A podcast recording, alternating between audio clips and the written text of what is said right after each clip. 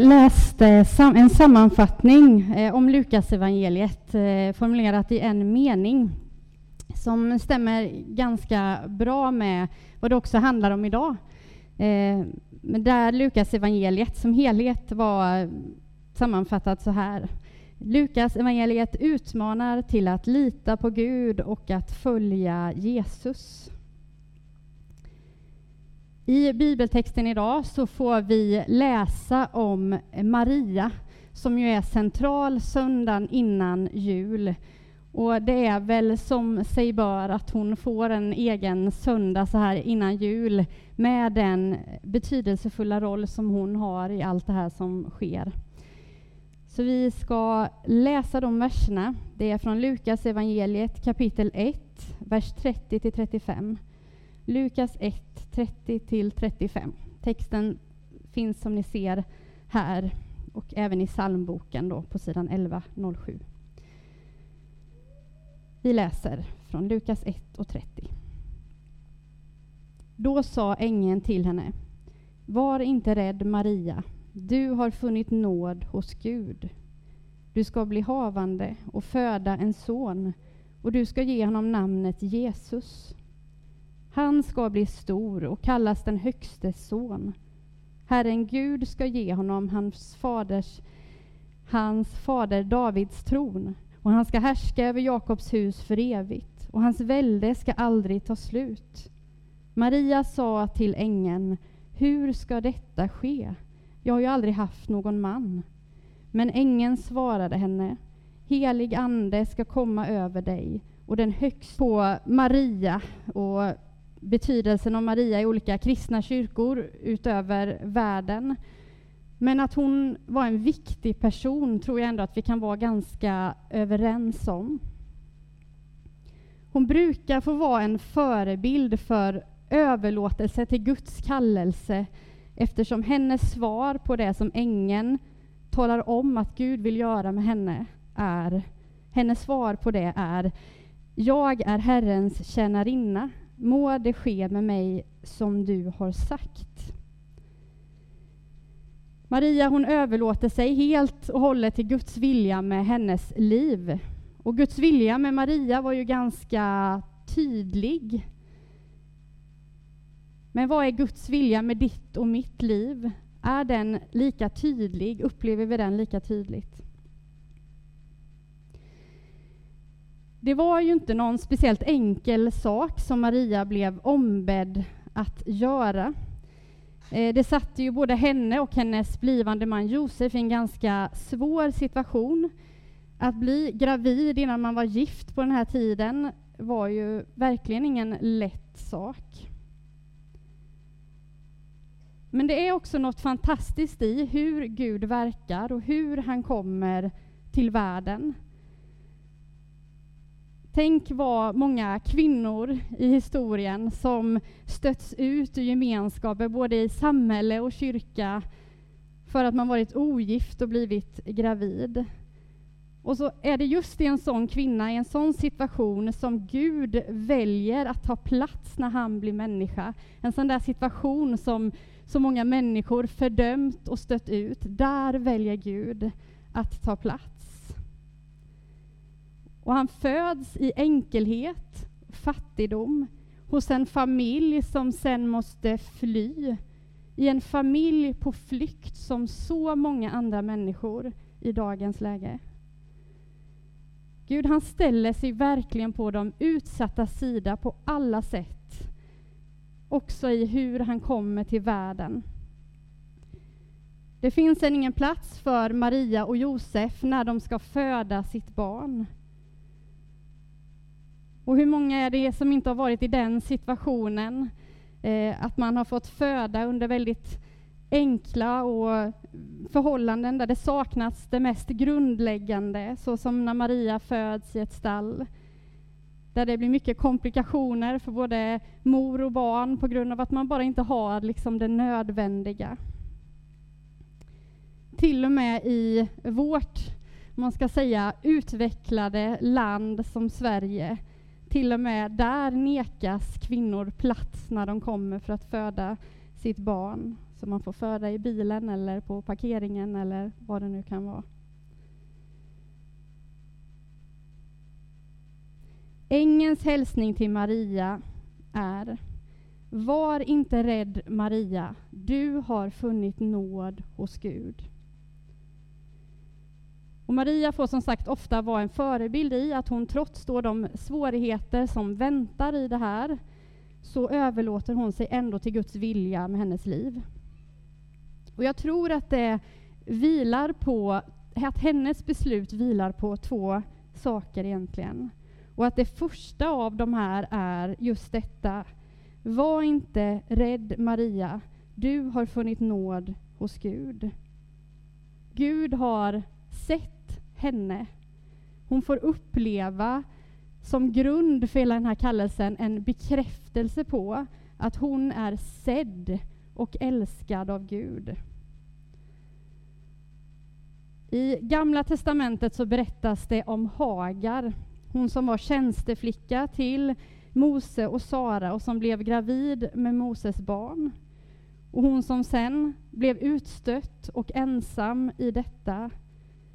Men där upplevde hon ett möte med Gud som hon kallar för seendets Gud. Det är hennes namn på Gud efter den upplevelsen att han är seendets Gud. För också hon upplevde sig sedd och älskad av Gud i sin svåra situation. Och det är en väldigt viktig grund för kallelsen. Och jag vet att jag säkert har tagit upp detta innan, för det är något som har präglat mig mycket i synen på kallelse. Och jag läste det i en bok för många år sedan. Det är en som heter Magnus Malm som har skrivit en bok som heter Vägvisare. Och i temat kallelse så delar han upp det i två delar. Han delar upp kallelsen i två delar kan man säga. Eh, som han kallar för kallelse och sändning. Och kallelsen, den är konstant, för det är kallelsen till Jesus, till gemenskap med Jesus, och den gäller alla, alltid. Och så har vi den andra delen som är sändningen, och den kan variera och se olika ut i olika tider i våra liv. Det är det som händer när Jesus liksom sänder oss ut, den delen av kallelsen. Men grunden är kallelsen till honom, och den ändras aldrig. Den står kvar även om det som vi kanske trodde att vi upplevde oss sända ut i inte blev alls som vi har tänkt så är ju fortfarande den här kallelsen konstant och står kvar. Jag tror att en viktig grund för Marias kallelse och att hon säger ja med en sån övertygelse är att hon får uppleva detta. För det kommer ju liksom fram i hennes egen... Om man fortsätter läsa i Lukasevangeliet så brister Maria ut i lovsång eh, för, på grund av allt det som har hänt. Dels för det som händer i henne, men också att hon får veta att hennes kusin Elisabet, då, som var ofruktsam, också väntar barn, som också blir på något sätt en, ett budskap till henne om vad Gud kan göra. Så då brister hon ut i lovsång och så säger hon min själ prisar Herrens storhet. Ha, för han, det vill säga Gud, har vänt sin blick till sin ringa tjänarinna. Han har vänt sin blick till Maria. Det får hon uppleva. Grunden för hennes överlåtelse till Gud blir alltså att hon har fått uppleva sig sedd av Gud, älskad av Gud. Och förutom det så finns såklart detta i kallelsen och sändningen att Maria får uppleva sig behövd. Och vad viktigt det är också. Vi brukar säga att församlingen är som Kristi kropp, där vi är olika kroppsdelar som behöver varandra och där alla har en viktig funktion. Maria hon överlåter sig till Guds kallelse med hennes liv. Hon känner sig sedd och älskad av Gud. Hon upplever sig behövd. Men det är också en till sak som jag tror ligger till grund för att hon vågar gå. Ängeln förklarar för henne att det är den helige anden som ska göra detta möjligt. Som ängeln säger längre fram, vi läste inte riktigt så långt, men fortsätter man i den här texten en liten bit till bara, så får Maria som svar på allt detta och alla sina frågor. Ty ingenting är omöjligt för Gud. Det handlar alltså inte om Marias begränsningar eller förmågor, även om Gud såklart kan använda det som finns i oss. Men vi kanske ofta ser till vad vi förmår och där tar det liksom stopp. Men det handlar om vad Gud förmår. Och ibland, eller kanske till och med ofta, så är det svårt att lita helt och hållet på Gud, att lita på det där som Gud förmår.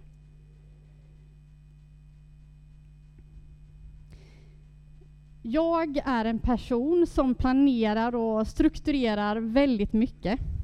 Eh, och det är bra i många fall. Jag trivs med struktur. Jag tycker till och med att det är roligt att planera sådär och liksom få se ett, skapa ett mönster i hur tillvaron ser ut.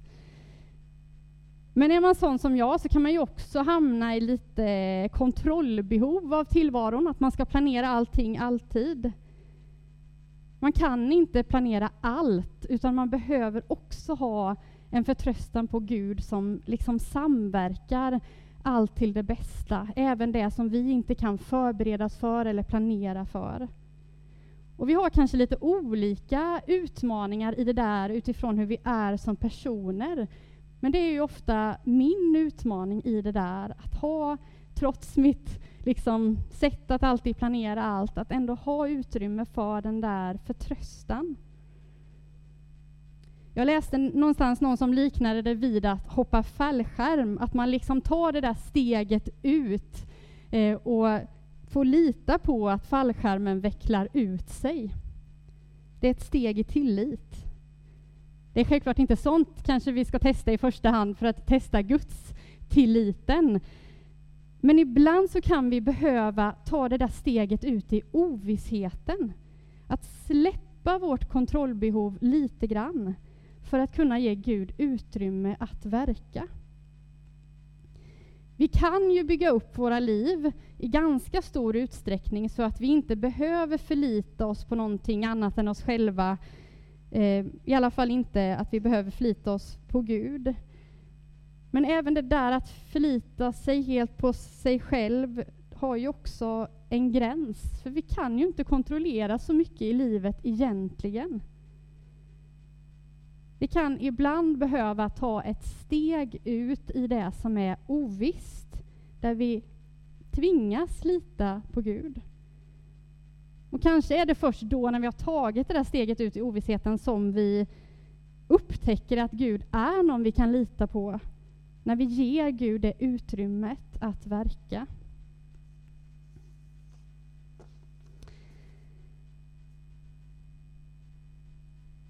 Hur hittar jag då och förstår Guds kallelse med mitt liv? I de flesta fall kanske det inte är så tydligt som det var för Maria, att det kommer en ängel med ett budskap från Gud. Jag minns ett tillfälle i mitt liv när jag hade väldigt svårt att veta eh, vad som var rätt beslut. Jag sökte väldigt mycket Guds vilja med det där beslutet, men upplevde liksom inte att jag hörde någonting tydligt.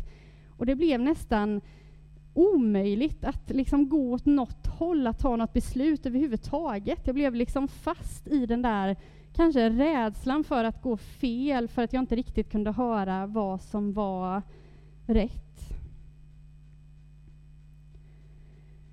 Det var en som bad för mig då, jag var i ett sammanhang där man kunde få förbön. Och efter att han hade bett för mig så sa han, eh, för jag sa väl lite grann om vad det handlade om, eh, så sa han efter att han hade bett för mig att jag tror inte alltid att, Guds, att det här att hitta Guds vilja eh, är att hitta en smal väg, utan att det också kan vara att Gud öppnar ett fält av möjligheter. Och jag tyckte det var så fint på något sätt. Det hjälpte mig i den situationen, för man kan hamna i det här nästan krampaktiga för att man inte vet vad som är rätt att, väg att gå. Och ibland kanske det är väldigt tydligt, väldigt specifikt.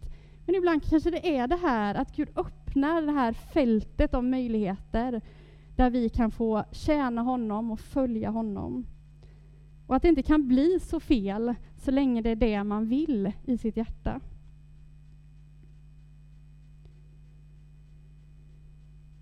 Ja, ibland upplever man Guds vilja otydligt, svår att förstå, så att det blir omöjligt att ta ett beslut. Jag läste också i en annan bok Förmågan att ta beslut när situationen är oklar, det är förtröstan. Förmågan att ta beslut när situationen är oklar, det är förtröstan. Så förtröstan, det vill säga att lita på Gud, är inte bara att uppleva en tydlig kallelse att gå åt ett särskilt håll, utan också att våga gå när det inte är så tydligt. För det viktigaste är kanske inte alltid att man har upplevt det så tydligt som ett änglabudskap, utan det viktigaste och mest centrala i det här kanske är den här överlåtelsen i hjärtat som Maria är ett exempel på. Att säga som Maria gjorde, fast att jag säger det med lite andra ord nu kanske. Jesus, jag vill tjäna dig. Jag vill tjäna dig. Låt din vilja ske med mitt liv. Även om man inte kanske upplevt något särskilt tydligt, hit ska jag gå.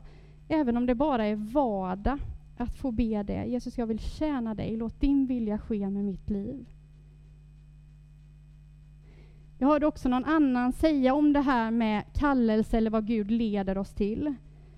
Att stanna där vi är tills Gud visar något annat. Att stanna där vi är tills Gud visar något annat. Så om du har sökt Guds vilja med ditt liv och inte upplevt kanske att du ska gå åt ett annat håll eller göra någonting nytt, så är det kanske så att du bara ska stanna där du är och tjäna Gud där. Den här bönen och överlåtelsen till Jesus i vår vardag, den är ju lika viktig även om vi liksom står kvar där i vår vanliga vardag.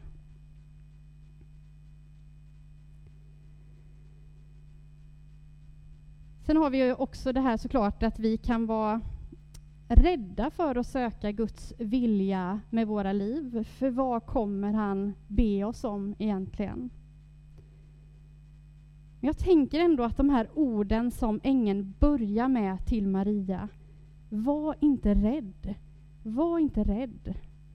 Det är liksom starten på allt det här som han säger. Och vi behöver inte vara rädda för det Gud kallar oss till. Det är ett löfte. Herren är med. Det är det Maria får höra gång på gång. Herren är med. Helig Ande är med. Helig Ande ska göra detta.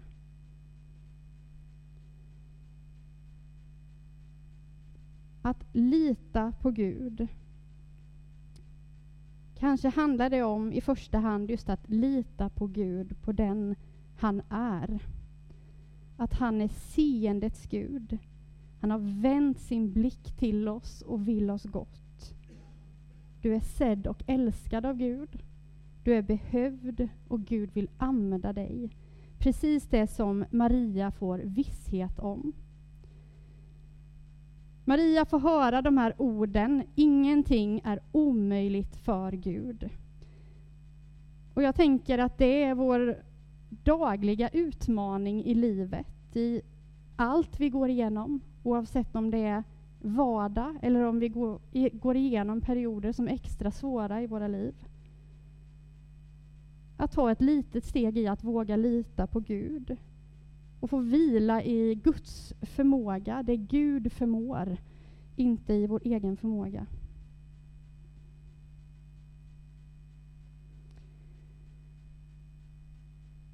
Gud, han väljer en ung, ogift kvinna till det viktigaste uppdraget någonsin. När Gud blir människa så blir han som en av oss människor. Han föds i ett stall hos en familj som tvingas att fly. Och det finns ingen annan Gud någonsin i alla olika berättelser som finns om gudar historiskt och i världen. Det finns ingen annan Gud någonsin som har gjort någonting liknande.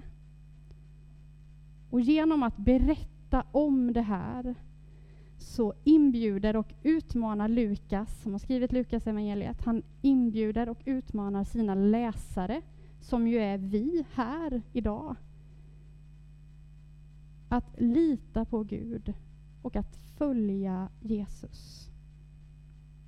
Låt oss be tillsammans.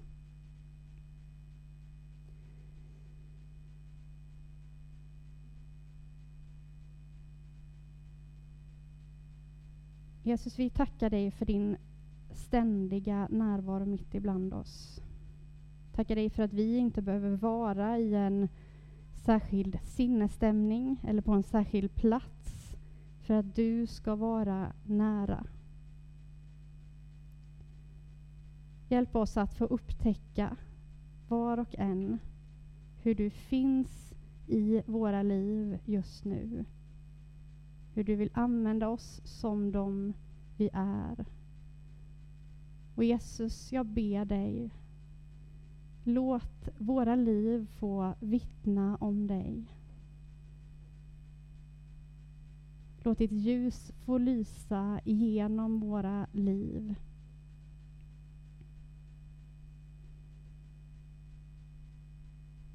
Amen.